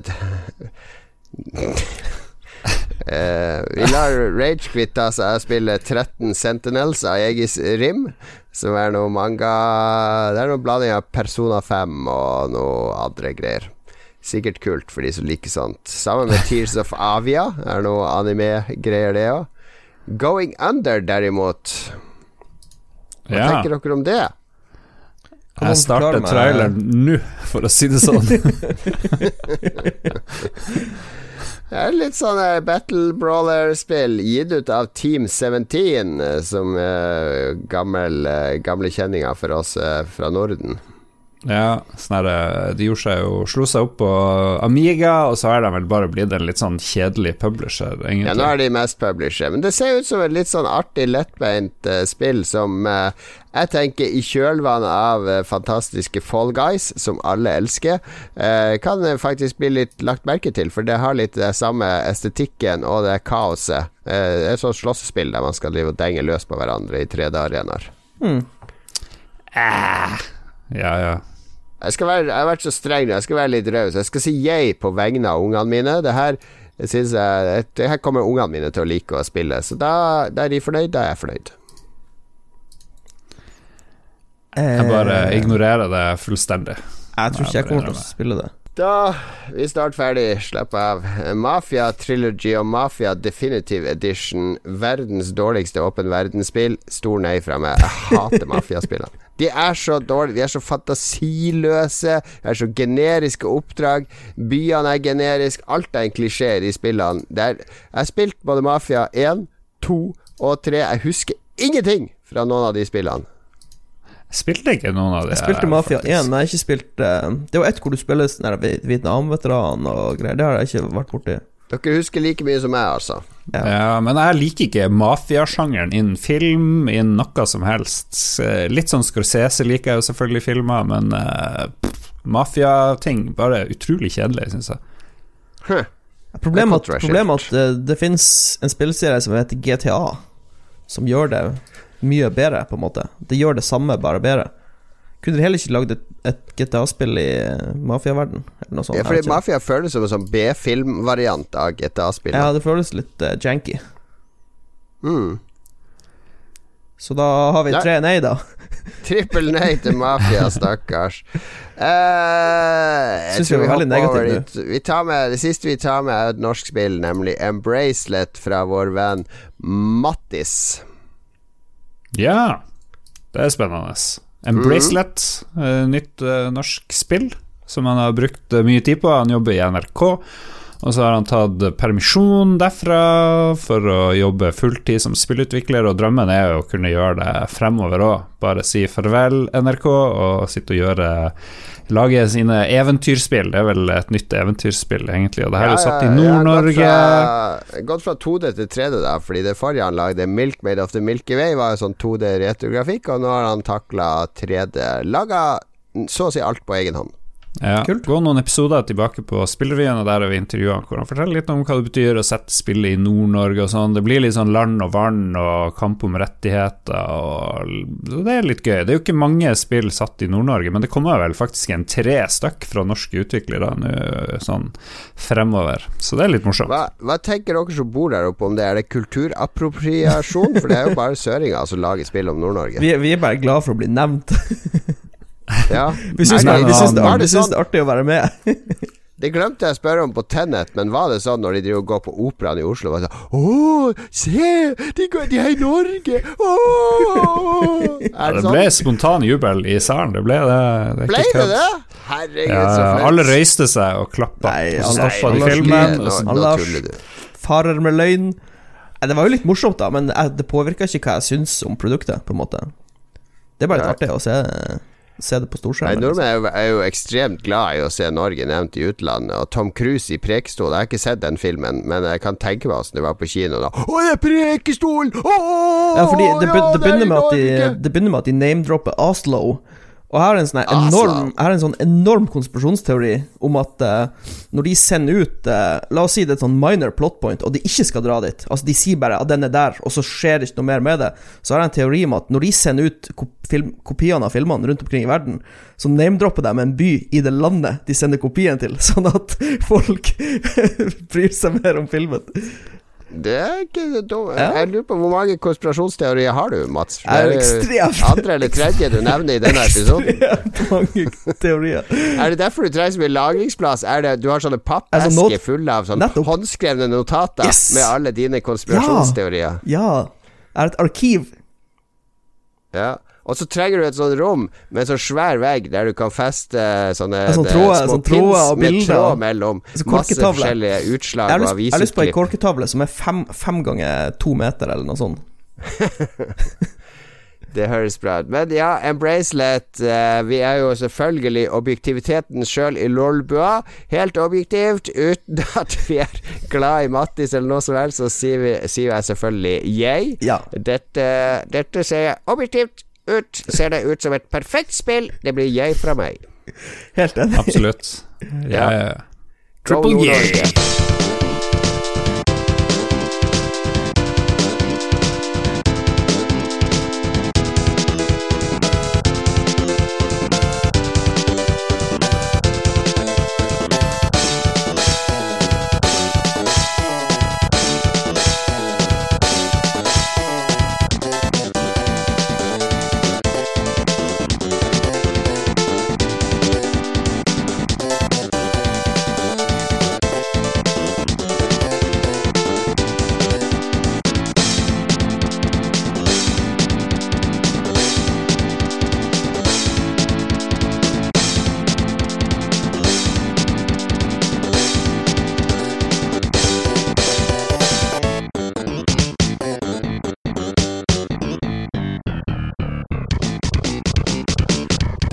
Nærmer vi oss slutten, men vi må jo ha med anbefalinger. Det er jo den som holder liv i mange lyttere som har sittet i isolasjon, karantene, ikke fått vært på ferie, sitter hjemme, kanskje er de permittert fra jobb. Da trenger man noe å kunne kose seg med. Helst noe som ikke koster skjorta eller er uh, umulig å få tak i. Uh, noe som bringer deg litt lykke i hverdagen. Og uh, Mats, du har sett en, en gammel YouTube-serie Ja. som nå er på Netflix. Jeg har um, Jeg plukka opp en liten søt mørk komedie som heter Cobra Kai. Ja Som nå er tilgjengelig ja på. Netflix. Og som du sier, det er en gammel Det er faktisk en to år gammel TV-serie. Som Den begynte på YouTube Red, som nå er YouTube Premium. Og så har nå Netflix fått rettighetene, og det kommer sesong tre i 2021. Så nå er det to, to sesonger tilgjengelig. Og en liten sånn En liten disclaimer. Jeg har bare sett halve sesong én. Jeg har ikke sett, eh, jeg har ikke sett hele produktet jeg anbefaler. Men det jeg har sett av Cobra Kai, eh, likte jeg veldig godt. Så jeg, kan, jeg føler jeg trygt kan anbefale det. Hva, hva er det det handler om? Cobra Kai høres kjent ut. Nettopp. Noen husker kanskje en film fra 80-tallet som heter Karate Kid. Oh yeah. Yes, for det som er handlinga i eh, denne TV-serien, er at 34 år etter handlinga i Karate Kid 1, altså 1984 All Valley Karate Tournament, hvor han eh, Daniel LaRusso eh, knuste han Johnny Lawrence, Med svane-crane-movet sitt Yes. på én fot. Han hadde en skada foten, og så sparka han han i, Ja. i ansiktet med crane kick. Eh, og TV-serien handler om han Johnny Lawrence. Han slemme, trasige ungen som var med i den Kai-klubben, som var motstanderen til han Daniel Russo. Han- TV-serien handler om han eh, 34 år etter han tapte turneringa. Så kan vi si Ja. at det går ikke så bra med han. han har ikke verdens beste liv. Eh, mens han Daniel LaRusso, han som vant turneringa, han har en sånn fin Kjempefin karriere som bilselger, han har et stort firma, han har en fin familie. Og så er det, handler det om de to, da, men hovedsakelig om han Johnny Lawrence. Så det er liksom Det er mye, mye bra humor, trivelig, og så er det Altså, er, er, det de, er det de opprinnelige skuespillerne Ja, som var det er- unge ja, og lovende to- på 80-tallet, Yes. som er med? Det er jo John Johnny Lawrence og Daniel Russo. Begge er fra filmen, liksom. Det er magisk. Dette må jo være peak nostalgi. Altså for, for Lars, som fortsatt lever på 80-tallet, det her må jo være rene pornografien for Lars å, å, å se. Jeg husker en av de mer intense filmopplevelsene, kanskje den mest intense filmopplevelsen i mitt liv, var jo å se Karate Kid på kino i Kirkenes i 1980, og whatever eh, det var. Fordi det er Vi snakka om applaus og, og sånt under Tenet, Ja. men det skjedde faktisk i kinosalen uh, i Kirkenes. Da han han klarte å Ja, da vant Jeg husker det brøyt ut enorm applaus Fantastisk. og jubel i salen, og det var magisk. Det var så Nei, vakkert. det, det, som litt, det som er litt morsomt, er at liksom Det høres ut som en, en sinnssyk gimmick, egentlig, men det fungerer faktisk eh, bra. Jeg syns For det er laga med kjærlighet, Ja, rett og slett. Det er noen som bryr, det er noen Ja. som, bryr seg, eh, som har lagd det her. Ja, Så jeg er veldig spent Jeg er veldig spent på sesong to og tre, da. det Men, høres eh, veldig kult ut. Ja. For, for, for, Ja. Problemet har vært at det har vært litt utilgjengelig. Du måtte liksom abonnere på den YouTube-greia. Så det var litt Ja, eh, Det var litt vanskelig. For jeg husker jeg hadde Du fikk ei uke gratis, eller noe sånt. Og det var da jeg begynte å se det. Og så glemte jeg det litt av, og så så jeg bare at oi, nå er det plutselig ute på Netflix. Men du får jo YouTube helt uten reklame hvis du har et sånn YouTube-abonnement. Ja, jo. Men jeg Ja, ja. for jeg ser mye DJ-sett og sånn på Altså, YouTube. du har jeg YouTube, ikke, du jeg har må YouTube betale Premium. for det, for jeg, jeg kan ikke ha reklame hvert Ja, okay. minutt i et sånn DJ-sett som avbryter musikken. Jeg forstår, jeg forstår. Ja, Nei, men uansett, nå er det ute på Netflix, så nå kan eh, alle Ja. i anførselstegn se det. Jeg gir det en yay, det der. Nå er vi slutt med yay og sånn. Eh, Du, du har lyst til å se det du, Lars? Ja, jeg så jo et par episoder. Ja, jeg tror de la ut hele sesong én Ja. eh, gratis en Vi, stund. vi der, så to episoder hos Lars. Det var egentlig sånn vi, Mm. jeg begynte, og så så jeg litt videre eh, Herlig. hjemme. Jeg skal, jeg skal holde det til 80-tallet, og jeg er innafor Karate Kid-territoriet fortsatt, fordi jeg har lest en bok som jeg endelig fikk tak i fra amazon.co.uk. Den er helt umulig å få Den er ikke på Kindle. Uh, den er ikke mulig å få tak i USA. Jeg tror uh, den, den, er, var litt ble litt kontroversiell da den kom, fordi den outer ganske mange store folk i Hollywood, inkludert Disney-sjef Michael Eisner og uh, Jerry Bruckheimer, og ganske mange som er med i denne boka, som handler om livet til Don Simpson. Det er en bok som heter High Concept. Don Simpson and the Hollywood Cultures of Excess. Og For de som ikke vet hvem Don Simpson er, det er Lars sin største helt. Don Simpson er han som kom, fant opp eh, eh, greia med eh, konseptfilmer. Som da ble 80-tallet i Hollywood. Altså, en konseptfilm var Det første konseptfilmen hans var Flashdance, som er vi skal ha en hot, ung sveiserdame som vil bli danser. Det var hele pitchen hans. Så uh, Top Gun er det han som står bak, ikke sant? Uh, Days of Thunder, Beverly Hills Cop. Alle disse gigasuksessene til eh, Days of Thunder ble en flopp, da. Det var da det begynte å gå nedover for han. Men Paramount Pictures, han var ansatt der som uh, producer, så han og Jerry Bruckheimer var liksom uh, stjerneparet på 80-tallet som kom med disse high concept-filmene som kritikerne hata, men publikum elska. For de var basically MTV-videoer i filmform. Alt handla om å vise fram pene, unge mennesker og eh, lansere en masse låter sammen med filmene, som ble hits, osv., osv. Eh, Veldig glamorøst, men det gikk veldig dårlig med Dan Simpson. Når han døde i 95, eh, siste året, så hadde han brukt 60 000 dollar i måneden på eh, resept. Resepter til eh, Ja, han tok eh, sånn 30 forskjellige typer dop hver dag, i tillegg til kokain og store mengder whisky. Eh, han eh, brukte hadde et enormt forbruk av prostituerte. Han hadde faste ritualer med å skjelle ut tilfeldige manusforfattere på kontoret hver fredag, som ble kalt inn, bare for at han skulle banke de opp. Eh, han var han var alt som var galt med Hollywood, eh, ble, var liksom manifestert i Don Simpson som denne utrolig narsissistiske maktpersonen i Hollywood, som er, eh, går rundt på cola hele tida, krasjer biler. Han var Det er et veldig fascinerende menneske. Og det er et veldig fascinerende innblikk i den eh, Hollywood-kulturen på 80-tallet. Fordi alle er med her. Altså Tom Cruise og, og eh, store studiosjefer, skuespillere. Det var Don Simpson og de som liksom la fundamentet for de enorme skuespillerlønnene. For de var ganske moderate før 80-tallet kom, og, og Don Simpson og disse folkene begynte å kreve både det ene og det andre, og, og, og la Ja. Nei, det, det er midt i blinken for meg, for jeg elsker bøker om eh, filmhistorie. Og når vi, du har mannen bak eh, The Rock og Bad Boys og Crimson Tides Ja, ja, ja.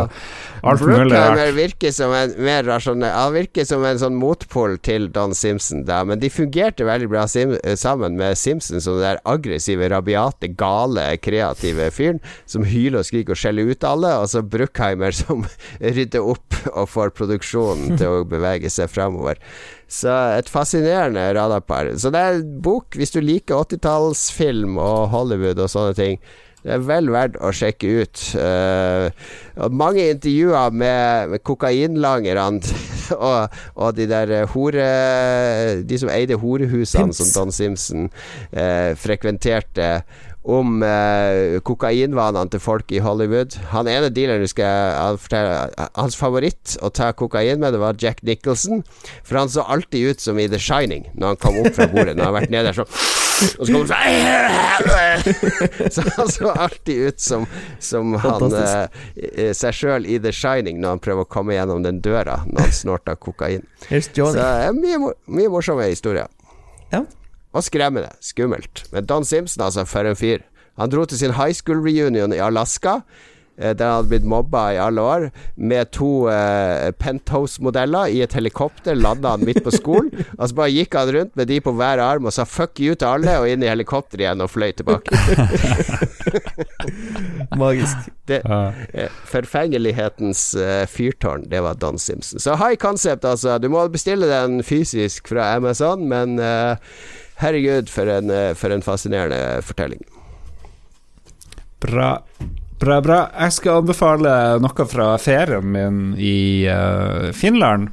Det skjedde jo mye rart. Jeg fortalte litt om det i forrige uke. Jeg glemte Ja, glemte du noen anbefalte meg ting fra. Finland i forrige uke òg, Lars. Ja, ja, jeg kjører på. Kjører på. Du melker Finland her. Eh, Noe jeg glemte å nevne, det var jo at uh, vi hadde kjøpt eh, Eller jeg fikk en strikka-genser uh, laga av en sånn her eh, kis som står utfor Rema i Kautokeino. Som er strikka-genser. Og akkurat samme genseren, bare med litt andre farger, hadde kjæresten. Så vi gikk rundt i matchende eh, gensere rundt omkring i Finland av og til, og det var utrolig hilarious. Folk bare stirra og lurte på om vi var litt sånn der eh, dust, eller hva de gjorde. Det anbefaler jeg, men jeg anbefaler enda mer Klatreparken i Levi, som heter noe sånn Adventure Park Levi, heter den. Og det er en sånn sånn Det er så lett å eh, reise fra land til land. Ja, ja, ja. Det er jo Finland har jo stengt for Norge nå, så det er umulig å komme inn dit. Men man kan lure seg over grensa. Det går an. Bare ta på seg jeg husker du snappa masse bilder fra den. Det ser jo ut som alle andre klatreparker. Vi har en sånn i Oslo og på Tryvann. Den er jo helt identisk. Ja, men det fins jo ikke noe i nærheten av Harstad. kan, kan jeg gå på YouTube Nei, men kan og late som om vi har er lyttere i, i, i Oslo. Kan ikke du Ja. bare anbefale de å besøke en klatrepark, i stedet for at det må være den i Levi, eller er det noe helt unikt med den i Levi? Det er sikkert ingenting unikt med den eleven. Så klatreparker generelt anbefaler jeg deg hvis de er like bra som den her. De den her var svær. Det var sånn ca. ti ziplines eh, som du må hive deg på rundt omkring. En lengste var 70 meter. Eh, det er jo fantastisk å zipline. Du føler deg jo som eh, Tom Cruise i Mission Impossible når du bare hiver deg ut. Litt skummelt første gangen. Fikk ballene i klem én gang. Det er jo ikke bra. Yeah. rett på utstyret hvis du er mann, eh, eller har baller, da. Så det må du passe på. Men det å Ja. klatre sånn ti meter over bakken og i ulike sånne hinder Masse ulike greier. Men jeg klarte det så jævlig bra. Det var ingen hinder som var liksom noe stort problem. Eh, Fikk du sånn mestringsfølelse? ja, jeg gjorde det. Og det som gjorde det enda bedre, var at kjæresten er livredd for høyder. Ah, Så- Og det var hennes idé å fære dit, for hun ofra seg virkelig der, da. For at jeg skulle have a good time, og det hadde jeg virkelig. Så da fikk jeg kost meg med å gå rundt og zipline og sånt, og så måtte jeg liksom være den oppmuntrende fyren. 'Nei, det her klarer du, og kom igjen.' For hun holdt på å gi seg liksom på det første hinderet, som var sånn to meter over bakken, hvor du Ja. bare kunne hoppe ned. og det syntes hun var dritskummelt. Men det er noe med det der eh, Det føltes ut som hele barndommen var en forberedelse til en sånn her klatrepark. Fordi alle skills etter å klatre i trær og over rare hindringer og sånt, det er liksom paid off endelig her. Ja. Mm. Ja, har dere vært på noe sånt? Ja, jeg har barn, så jeg har eh, holdt ut klatreparker flere ganger. Vi har fire innendørs klatreparker i Oslo pluss en utendørs, og det er, eh, det er helt eh, Det er fin trim, det er det. Ja, Men jeg har ikke vært stil. der alene som voksen. Jeg ville aldri oppsøkt en klatrepark alene. Altså. Jeg, du blir sånn allergisk når du har unger. Jeg går aldri på tivoli alene. Jeg går aldri på kino uten unger. Eh, Det er mye som blir ødelagt når du blir forelder.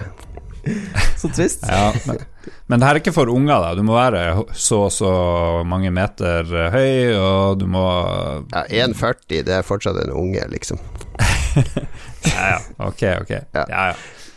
Det er det på Toothfree, da er det 1,40 på mange karuseller. Men uh, det, er, det er kjempebra trim. Jeg er flere på jobben min som trener i klatrepark. Dere må få dere en innendørs klatrepark i Harstad. Uh, Grottebadet burde jo også vært en klatrepark inne i et eller annet berg, for de er blitt populære i Oslo. Det er kjempegod trim. Du driver og, og legger på eh, opp de her tauene, og er sånn- tauene. Altså klatrer du ganske høyt. Det er jo 10-12 meter over bakken, de høyeste, og, Ja, ja. og fire deg ned igjen.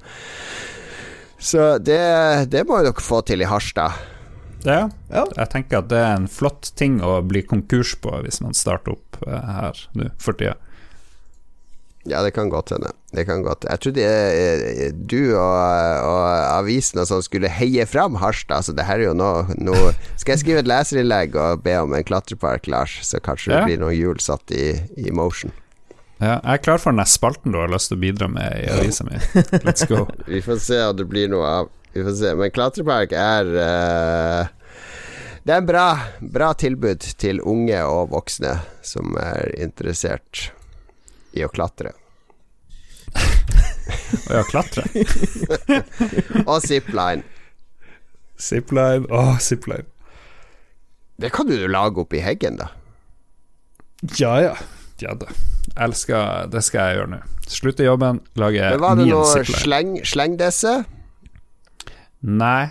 Nei, det husker jeg fra jeg var liten. Det var helt Ja, konge. det var stort da man var liten. Ha en slengdesse i en bratt bakke. Altså Mm. ha en ferdig sånn halvsirkel rundt. Det var skummelt. Å henge i den der pinnen.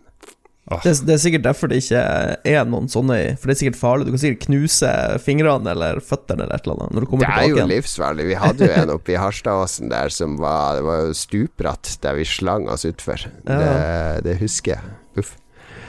Ok, tre anbefalinger der, altså. Kobra Kai-serien på Netflix eh, om eh, hvordan det gikk med aktørene i den gamle filmen Karat Kid, nå som de har blitt voksne.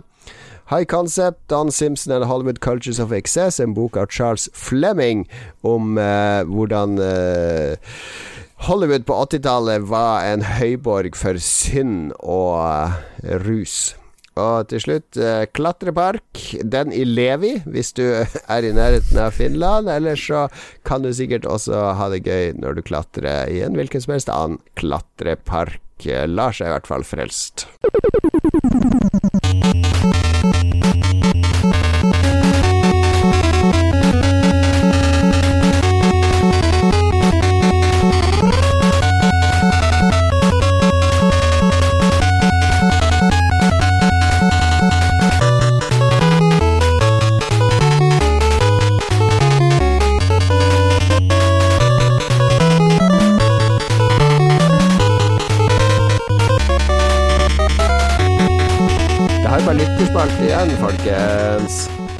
Jau, det var en par eh, bidrag der. Jeg bare, tar dem bare opp på uh, Facebook. Skal vi se.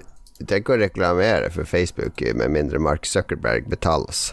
Eh, ja. Gå på Lolbo Entourage. Det anbefales veldig. Skal vi se Nå tok jeg opp Old Gamer Sarstad, det var helt feil. Eh, Frode Oppsal vi, vi, vi la ut lista vår fra september over alle spill som kom, og så spurte vi lytterne Er det noe her som frister. Det var ikke så mye som frista, virker det som. Vi fikk bare et par, eh, par responser. Men Frode Oppsal eh, sier ingenting, takk Gud. September blir man å brette opp ermene og ta tak i etterslepet etter et halvt år med børst og binging. Yes. såpass uh, Det var òg en måte å takle korona på, da. Ja. Børst og binging. Ja. Binging. Det er kanskje Ja, det, det, dette er binging. Ja, catch up på TV-serier, sikkert. Ja, jeg trodde han hadde sittet og, og, og binga masse i Microsoft Edge med Microsoft sin søkemotor. Bare søkt opp alt mulig. Ok, ja Men for han så blir september en knall spillmåned. eh, så han skal, sp- han skal spille masse spill han har gått glipp av, da, og det er jo alltid lurt. Eh, konsentrer deg om, om bra ting som du allerede har. Men han er litt frista av de nypolerte versjonene av Crisis og Mafia-trilogien. Ja. Mm. Gammel Crisis-veteran som jeg. Lykke Oh, yeah. til. Det var vel de spillene vi var mest kritiske til, nesten. Så Øystein Reinertsen derimot, Lars. Ja, han sier han kanskje skal kjøpe seg Tony Hawk, for han trenger noe å spille ved siden av Warzone. Og så er, har han jo Han er en mann av god smak, så Øystein vil også eh, sjekke ut Spellanke 2. Mm. Vi har også fått et bidrag fra Ragequit. Oi, hva er det for en eh, gjeng? Ja, det er en sånn, um, det er en sånn liten spillpodkast som har starta opp med, med noen sinte gubber, tydeligvis. Er det sånn eh, sure edgelords? de rager litt. De litt. Jeg tror de er litt sånn edgelords. Men de Ja, okay. ser i hvert fall sjukt frem til WWE 2K Battlegrounds. Spillet kommer til å inneholde mer enn 70 eh, stjerner, og det blir helt rått. Så ja, Ja. Da ønsker jeg dem lykke til med å spille Jeg ser Dag Thomas Olsen, som er teknisk ansvarlig i Ragequit, har, har, har tilføyd at uh, det blir hans septemberspill òg, at han er fast lytter av Red Crew Nitro, sier han. Ja. Eller Jeg er vet det ikke om Red Crew Nitro? Nå blir jeg så bevisst på Bing og Binge. Ja, ja. Men i forrige episode av Ragequit så var de veldig kritiske til WWE 2K. Så nå har de snudd det eh, helt? Ja, de har det. De har det. Så det er jo bra. de vingler i vinden som et flagg. Ja, ja, ja. Det er bare Lolbua som står støtt som en påle, mens Ragequit, der, eh, der snur de seg etter vind, altså. Men det, du står fritt til å høre på de. De er under Lolbua-paraplyen, altså. Vi har tre podkaster per nå, har vi ikke det, Lars? Ja, Spillrevyen hver mandag, Lolbua hver onsdag og Ragequit eh, sånn cirka hver fredag, så det må dere sjekke ut. Og så har vi selvfølgelig Roffelbua, som vi skal spille inn i kveld, nå når vi tar Oh opp det her. Er Søndag. Christian som leder Roffelbua denne gangen. Jeg er veldig spent på hvordan det blir. Og så må vi ikke glemme at eh, grunnen til at vi kan lage alle disse podkastene, Roffelbua, Ragequit, Lolbua og Spillrevyen, er at vi har mange snille folk som støtter oss på Patrion og, og gir oss penger så vi kan investere i utstyr, eh, events når det blir lov igjen, og andre ting. Og vi har til og med fått en ny produsent den siste uka. Ja, hva heter han? Skal vi se Det står Jeg har skrevet Du har skrevet Noen det? har skrevet det i sendeskjemaet allerede. Ah, ok, fantastisk. Skal vi se. Det er Anne Beth er vår produsent. Kobrakar84. TTM-eksempel. Rolf Helge Øvergård Ingebrigtsen. Sonicon uh, kom for ikke så lenge siden. Og Duke Jarlsberg er også produsent, så Ja. nå har vi seks produsenter. Det er jo uh, fantastisk. Helt utrolig. Tusen takk til dere og alle andre som støtter oss på Patreon Gå på patreon.com slash lolbua, så kan du bidra til å holde eh, nivået nede på alle podkastene vi lager. Ja. Nei, det Vi har jo brukt veldig mye penger på en ny eh, spill-PC, eller den første spill-PC-en til Ståle, så det er veldig godt brukte penger. Han driver jo og streamer og spiller som en gal, Mathias. Eh, hør på Ragequit der for det. Og vi Ja. Vi, vi slipper å bruke egne penger da, til å hoste alle de her podkastene og styre på, så det er veldig setter veldig pris på det. Det var det vi hadde for denne gangen. September er landa, eh, og vi vet jo også at vi er i en ny måned. Vi har jo eh, fortsatt mm, en eske med kassetter fra den gamle podkasten Gullbua. Jeg skal spole litt fram og tilbake, så se om jeg finner september-episoden, som da ble spilt inn i september eh, 1980, var det da? Uh, Ja, det var 1980, for um, det var året før jeg ble født. Husker jeg. Ja, nettopp. Du husker det. De tre karene på Heggen videregående skole i Harstad, pionerer innen podkastverden eh, verden med sine kassetter, månedskassetter, der de tar for seg populærkultur og spill allerede i 1980. Det får du i neste episode av Lolbua. Følg med! Ha det bra! Ha det! Hello.